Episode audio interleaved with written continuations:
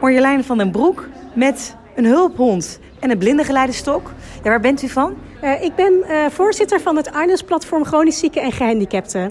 Ja, en u heeft gestemd op een bijzondere manier, vindt u? Eh, dat klopt. Ik heb gestemd met de stemmal. Een stemmal, dat is... eh, ik ben dus volledig blind en ik kan voelen nu...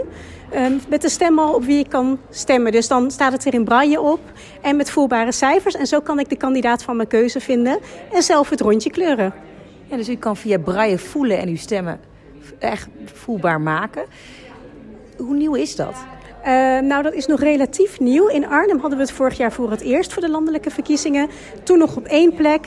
En nu hebben we twee stemmallen in Arnhem. Eentje in, ja, op het stadhuis en eentje in eh, s- eh, Sporthal de Laar West. En hier is ook een gebarentolk aanwezig. Ja, Wat vindt u daarvan? Die is er dan weer voor de doven die niet kunnen horen.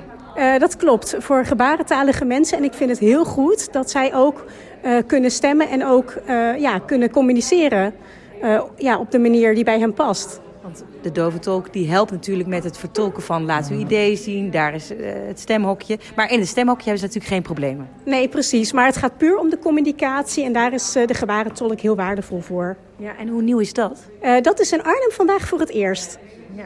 En wat vindt u daarvan? Eh, ik vind dat een hele goede ontwikkeling. Nou, dank u wel. Nou, helemaal goed.